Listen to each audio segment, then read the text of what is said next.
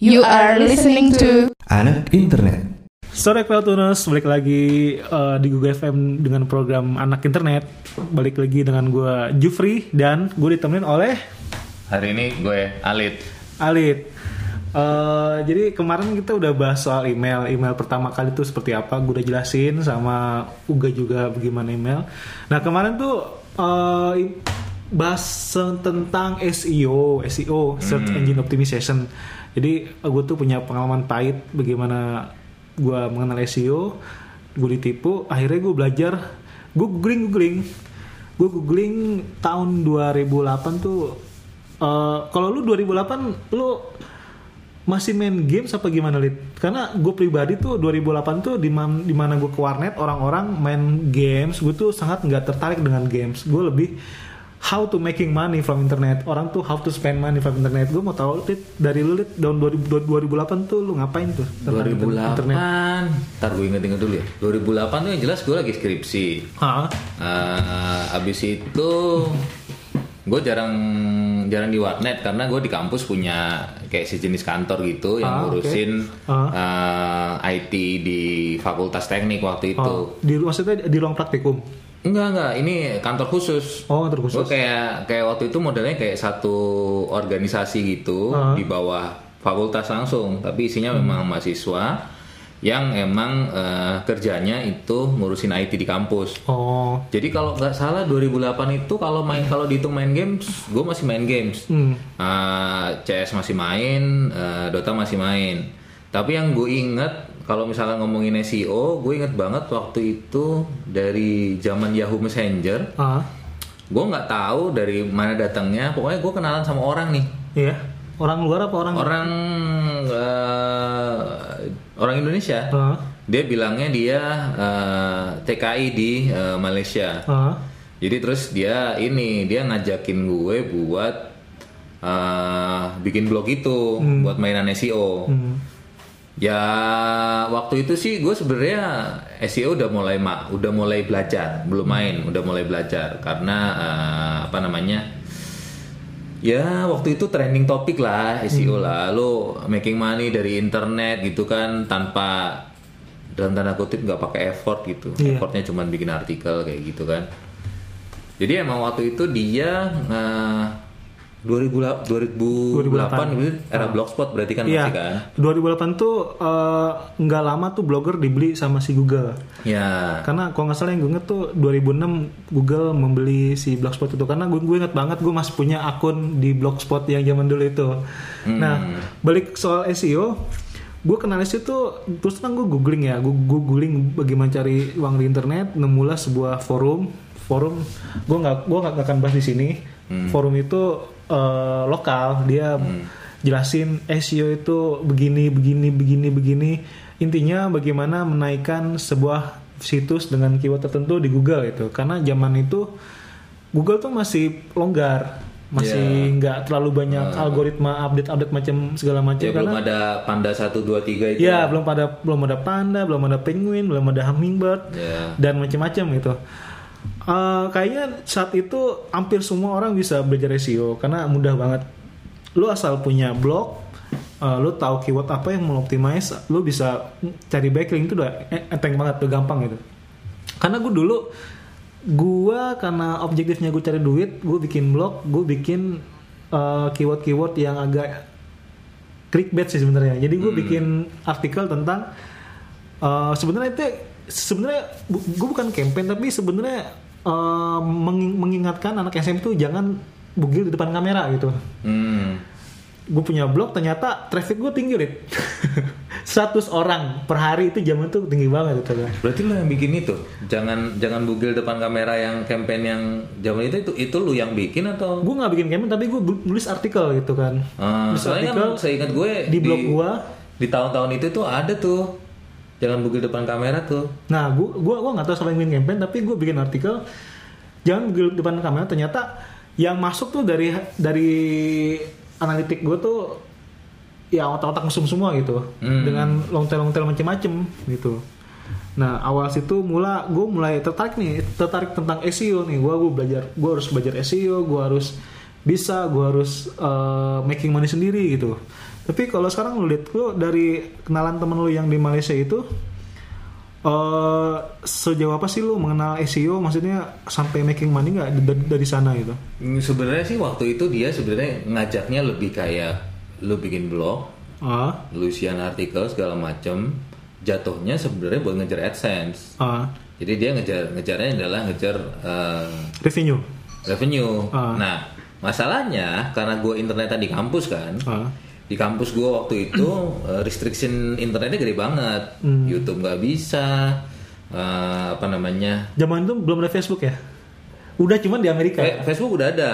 2008 gue udah gue udah Facebook kan 2008. Gue gue 2009 loh. gue 2008 udah Facebook kan. Tapi ya itu apa namanya eh, YouTube belum ada. Terus misalkan kayak lu direct download nggak boleh. Di kampus tuh eh, zaman itu kan kalau kita download kan pakai Licer kayak gitu-gitu kan, Licer di blok. Jadi semua yang streaming kayak gitu-gitu diblokir termasuk AdSense diblokir di kampus gua. Jadi Mungkin pakai adblock kali di eh, browser yang pakai adblock. nah tapi adblocknya adalah level gateway. Oh, Nah, adblocknya level gateway. Jadi gua nggak ngapain aja di PC tetap aja tuh nggak bakal lewat. hmm.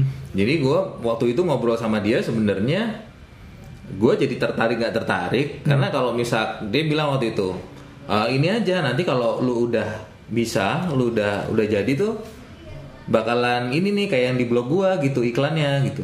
Nah sedangkan gue buka blognya dia nggak ada iklan sama sekali karena kan Oh, diblokir iya, semua iya, kan. iya, iya. Kan bisa tuh lo kayak gitu Iya, kan. iya, paham, paham, paham.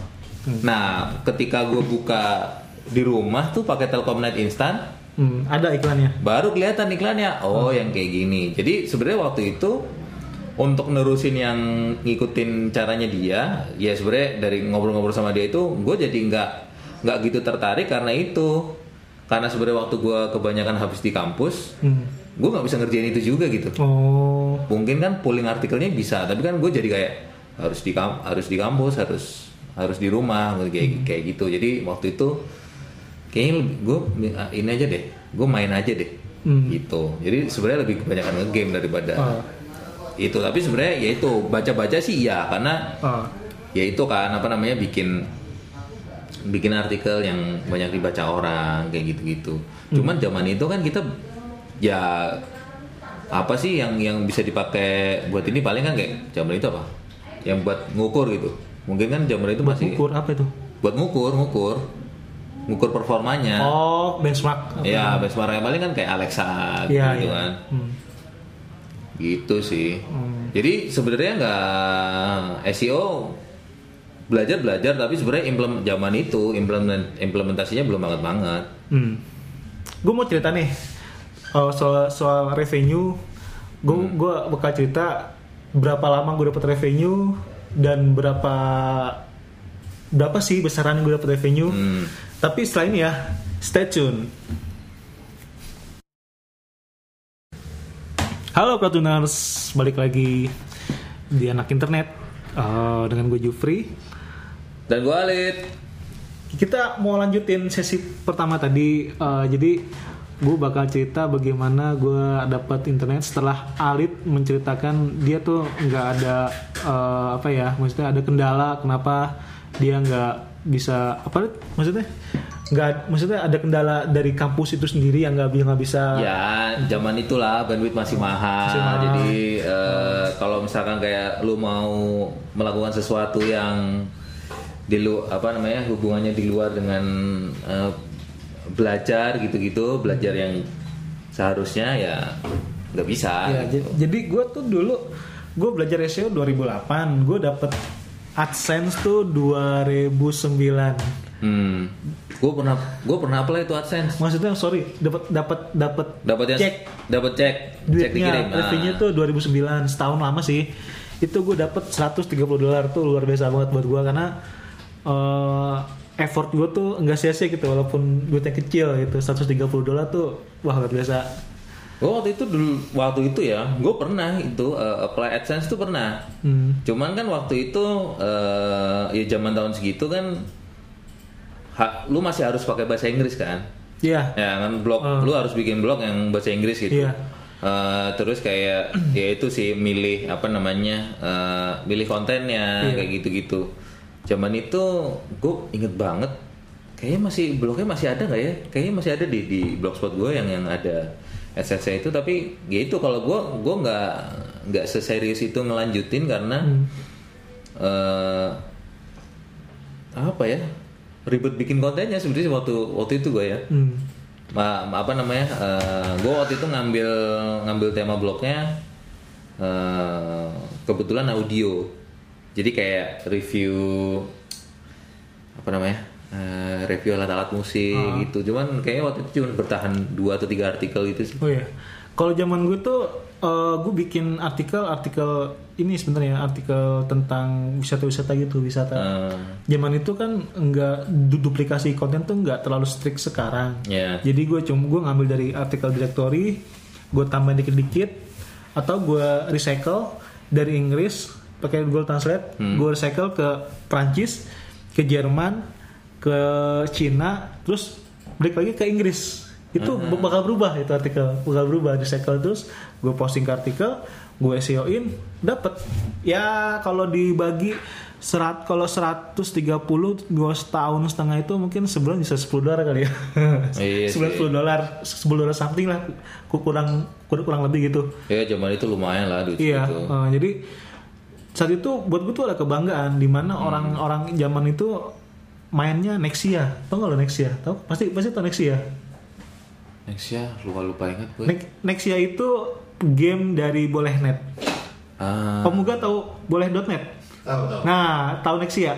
Lupa. Ah, jadi jadi zaman dulu tuh ada namanya boleh.net itu gue nggak tahu siapa Hmm. itu itu, salah satu portal pertama. heboh di tahun itulah. Iya pertama. Dia juga ngerilis portal dia ngerilis Hmm. game Nexia. Teman-teman gue tuh yang di ke warnet cuman Nexia doang. Beli Ah. voucher lah beli inilah. Gue malah making money di situ. Jadi jadi ada kebanggaan sendiri di gue pribadi gitu. Walaupun Hmm. ya pada endingnya temen gue pada ngiri wah lo gila lo ke warnet cari duit gue malah buang duit gitu. Temen gue sa- saat itu nah sering berjalannya waktu Google juga kan eh, nggak mau lengah untuk SEO karena eh, menurut orang kebanyakan tuh ngomong kalau SEO-nya dim- dimudahkan otomatis SEM-nya nggak laku dong. Iya, nah betul. makanya dari segi yang bolong-bolongnya SEO tuh di dirapetin sedalam Mulai mungkin. dirapetin sama Google, Heeh. ya. Dan yang gue heran tuh 2000 balik eh, beranjak ke 2009 2010 itu SEO itu sebenarnya nggak laku. Itu bukan profesi loh sebenarnya SEO itu. Hmm. Iya. Tapi ya itu sebenarnya di tahun-tahun sebelum 2008 tuh eh, SEO itu namanya sebenarnya harum banget kan karena itu tadi lu bisa apa ya? Jadi Getting free traffic from Google itu. Iya, creating free traffic from Google terus habis itu gimana dalam tanda kutip buat eh, pencitraan lah zaman itu gitu. Lo ngenalin blog lo ke mana-mana. Kalau zaman zaman tahun segitu kan kita blogging kayak gitu kan masih zaman kan blog walking Iya. kayak gitu-gitu kan. Terus apa namanya? eh, lo ninggalin komen. Hmm. Mas, masih zaman yang ini kan apa Iya, namanya? WordPress plugin yang ini loh. Kayak eh, track track back Ya, ninggalin komen terus kalau ninggalin komen terus ada artikel terakhir dari automa- automatically track apa Oh. trackback itu kan ada kan? pingpong namanya. Iya, link link back automatic link back itu kan ada kan ketika misalkan kayak eh, oh ya ini artikelnya keren banget. Nanti ada misalkan kayak eh, Alit last post. Nanti ada artikelnya. Itu kan sebenarnya eh, di tahun-tahun itu tuh kita bergotong royong untuk membangun SEO kan? Iya. Membangun backlink gitu. Iya. Tapi emang dari zaman itu pun sebenarnya gue udah udah apa namanya eh, udah geleh banget sama blog-blog yang ya itu loh yang paragraf 1 2 3 nya lu ulang-ulang. Terus Yang gak ada isinya. Oh, yang, yang apa sih? namanya yang yang cuman jualan keyword. Oh, itu. Jadi itu Kan namanya udah mulai banyak kan di tahun segitu kan. keyword stuffing. Ya, isi pokoknya lu nge-search di Google terus oh, misalkan kayak cara membuat apa gitu. Hmm. Terus nanti ketika lu buka nggak nemu lu scroll scroll nggak nggak nemu nemu baru nemu di bawah tapi Jadi, itu kalimat itu eh, diulang berapa kali Itu namanya gitu. keyword stuffing. Jadi Hmm. mengulang-ulang keyword. Jadi ada uh, misal kalau contoh resep kue kering. Nanti Yeah. tuh bakal menjalar tuh semua kue Bener. kering apa, kue kering manis, asin, coklat apa itu nanti di setiap keyword tuh di- setelah habis keyword tuh di koma, koma, koma, koma Hmm. gitu. Nah, itu itu 2009 2010 tuh emang masih masih works. Iya, emang Bahkan masih rame lah begitulah di. Temen-temen gue pun mengaplikasikan itu. Ah, dan dia dapat AdSense tuh 1500 per bulan. hmm, Lagi-lagi Google nggak suka cara itu. iyalah. Dibikin lah keyword stuffing tuh dibabat semua. Algoritma bolong-bolong tuh dijadiin sat, eh, ditambal semua. Dan saat itu eh SEM tuh search marketing masih belum laku sebenarnya. Belum lah, orang masih zaman itu apa namanya eh, 2009-2010 itu kan brand baru mulai kenal itu tuh Facebook mulai naik kan. Iya. Facebook mulai naik, orang baru baru tuh apa namanya brand itu baru ngerti ketika penetrasi internet udah mulai tinggi, baru tuh gue perlu punya website nih. Ah. Nah tapi kan baru punya doang, belum ngerti gimana caranya. Mau optimize bla bla bla Ah, gitu. Belum apalagi anggaplah gini, untuk SEO aja belum jalan yang dalam tanda, tanda kutip gratis ya. SEO yang dalam tanda kutip gratis aja belum jalan apalagi SEM yang lo literally harus ngeluarin duit gitu. Hmm. Emang perkembangannya baru di 2011 ya emang Iya. kayaknya. Jadi 2011 tuh eh, media online tuh udah pada mulai udah mulai melek eh, Ya. how to aplika eh, mengaplikasikan SEO di media online dia karena mereka sadar makin hari tuh makin banyak media media, media online yang eh, lahir dan bersaing gitu kan kayak misal detik itu pionir jadi eh, Ya, untuk SEO eh, dia nggak usah dilakukan lagi lah Mm-mm. Kompas juga liputan enam. ternyata di bawah itu masih banyak media-media online baru yang butuh cari traffic yang Iyalah. free gitu nah barulah di sana lahir profesi SEO gitu Leading ya detik zaman itu leading the market lah. iya paling paling leading dia untuk market market gitu. Eh, nah nanti eh, di sesi 3 gue akan bahas SEO SEO di media online. Karena gue pribadi gue udah eh, ada gue udah tiga kali di media online. Gue bakal ceritakan bagaimana sih eh, struggle-nya cari traffic dari SEO untuk media online. Stay tune. Jangan ke mana-mana. Halo Pratuners, balik lagi di Anak Internet bareng gue Alit dan Jufri kita masuk di sesi 3 nih.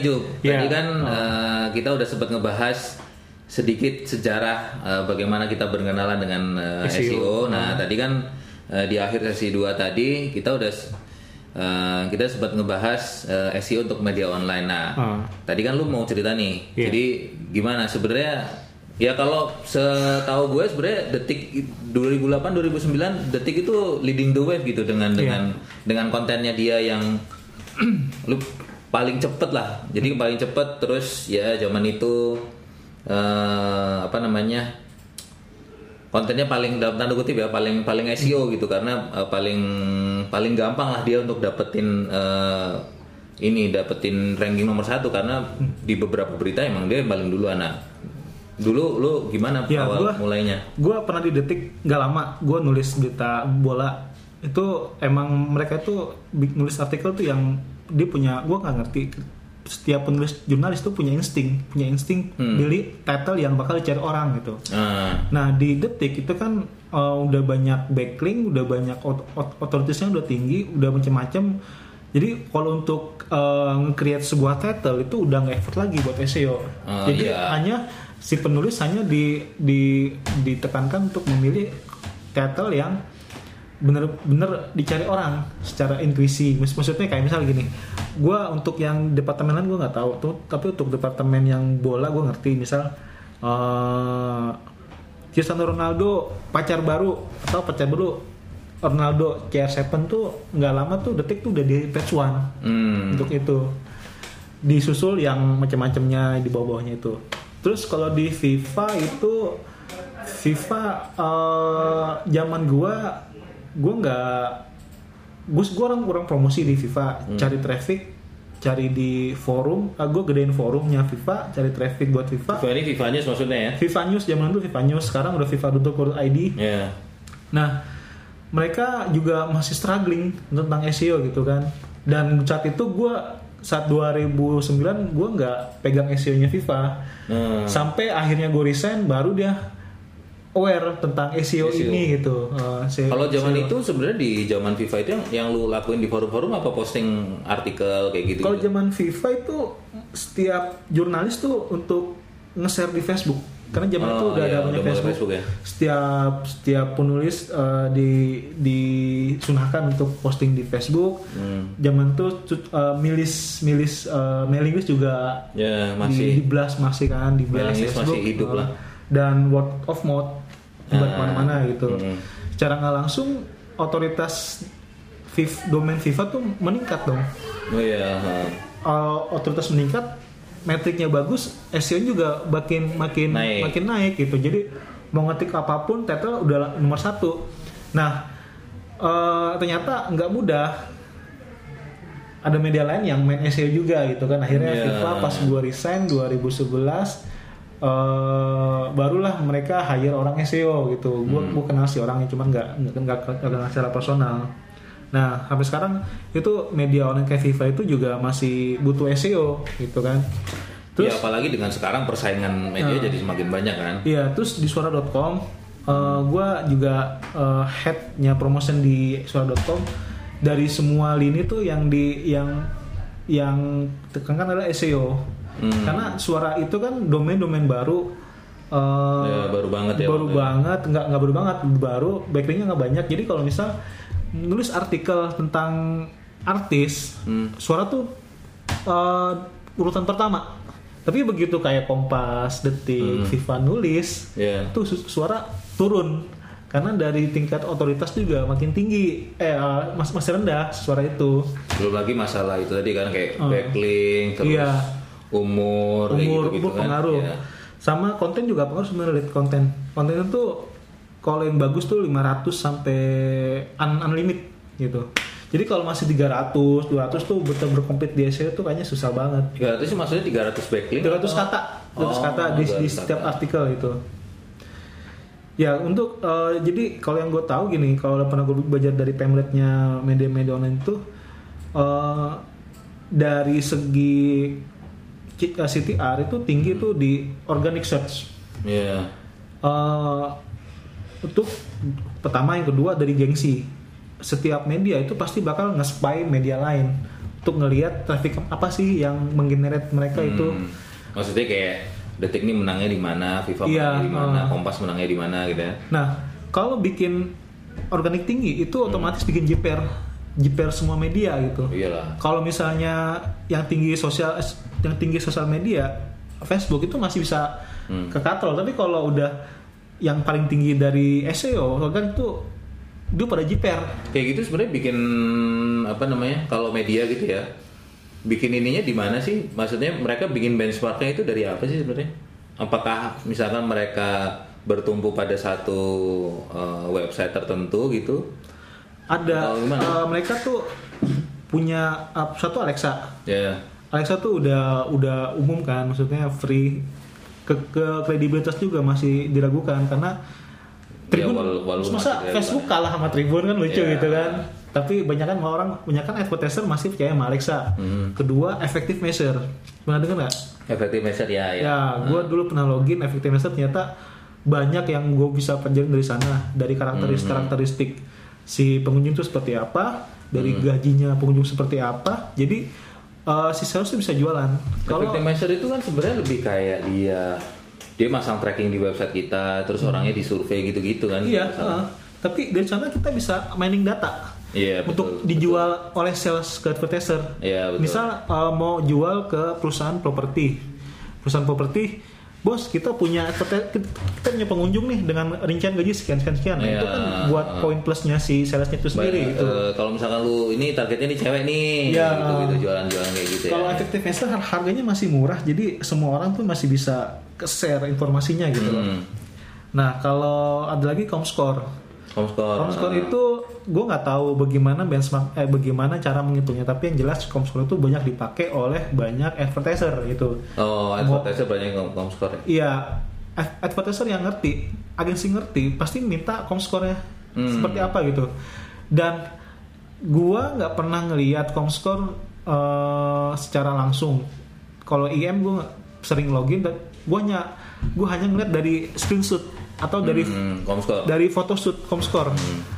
Gue nggak tahu mungkin harganya terlalu mahal apa gimana sih Comscore itu lu pernah yang yang yang lu tuh gimana Lid? Gue sering dengar sih, tapi gue gue juga belum pernah pakai sih. Tapi kalau nggak salah sih emang Comscore termasuk salah satu yang mahal sih. Oh, eh kalau ini eh apa lagi ya? Gue gue sih sebenarnya kalau Alexa gue nggak gitu percaya sih karena Alexa itu kan sebenarnya base-nya kan dia pakai toolbar kan. iya Kan dari dia modelnya mining data dari orang-orang yang Oh. pakai toolbarnya Alexa. Sedangkan gue nggak tahu nih kalau kalau di Indonesia nih berapa orang nih pakai toolbarnya Alexa. Nah, uh, kalau misalnya toolbar Alexa itu sebenarnya masih diragukan sih uh, penghi- penghitungannya via toolbar atau gimana. Tapi ya, tapi ya dari pembahasan komunitas gua SEO itu Alexa tuh punya bot, eh punya bot sendiri. Iya iya. Gua- Kalau itu ya. Gua punya bot mengcrawl semua website untuk di uh, diambil datanya, datengin ke Alexa sendiri. Jadi untuk ningkatin Alexa, setiap orang masang toolbar itu sebenarnya mitos. Oh, Gua, gitu ya? gua, gua nggak percaya itu. Gua Bukannya pernah, kalau di apa namanya sebenarnya kalau di websitenya Alexa itu disebutinnya juga kayak gitu ya. Hmm. Maksudnya eh, dia menghitung dari berapa persen pengunjung yang enggak, lewat enggak, enggak. Jadi toolbar itu enggak? Enggak. gue gua pribadi pengalaman punya punya website Hmm. yang pengunjungnya sehari 10.000 sampai 15.000 itu pengunjung internasional. Gue nggak tahu. Gue gue yakin Alexanya itu toolbar mereka nggak nggak masang, Hmm. tapi naik naik terus Oh, gitu. itu biasanya naik ya? Eh, jadi ya masih kalau buat gue pribadi mitos untuk masang toolbar gitu. Gitu Oke.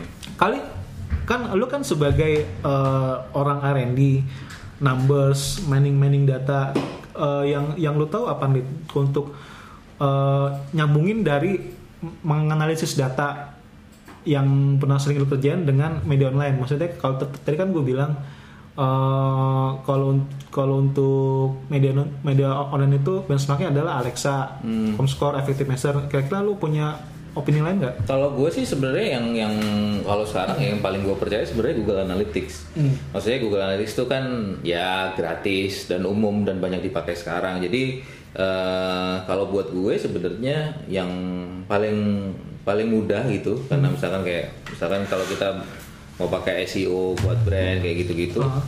eh, itu salah satu yang bisa bisa kita ini eh, maksudnya eh, data yang bisa kita percaya. Kalau nggak Google Analytics ya Webmaster Tool. Terus sekarang namanya apa? Itulah Webmaster Tool lah. Karena Webmaster Tool itu kan dari situ kan sebenarnya kelihatan. Google Search Console. Ya, Search Console sekarang namanya. Kalau dari situ kan sebenarnya kita bisa bisa tahu nih website kita tuh sebenarnya di sama Google itu diklasifikasikan di kategori apa aja. Maksudnya kategori keyword ya. Kalau gue sebenarnya kalau gue ngelihat Search Console-nya sebenarnya kayak gitu. Jadi apa aja sih keyword? Karena gitu kan nanti kan baru kelihatan nih. Oh keyword ini kita ah, bagus, ayo dinaikin yuk. Atau misalkan kayak itu. Oh kita sebenarnya kita dikenal Google. Kalau gue biasanya menjelaskannya gitu. Lihat Search Console. Nih kita dikenal Google dengan keyword seperti ini.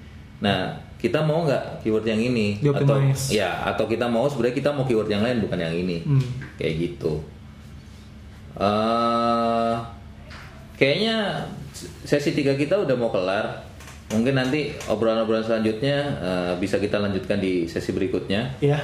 Kalau ada pertanyaan, jangan lupa eh, mention di mana Om enggak? Mention Bisa. di Twitter atau At di Facebook juga bisa. Google FM ya. Google Radio. At Google At Radio. Google Radio. Twitter untuk Facebook, Google Radio. Jangan lupa. Search aja di search box Facebook Google Radio. Dan kita eh, kita akan balik lagi minggu depan untuk pembahasan topik yang lebih menarik. Eh, gue Jufri, Gue Alit. kita pamit. Bye bye. Bye bye. Google Radio, your crowd tuning station.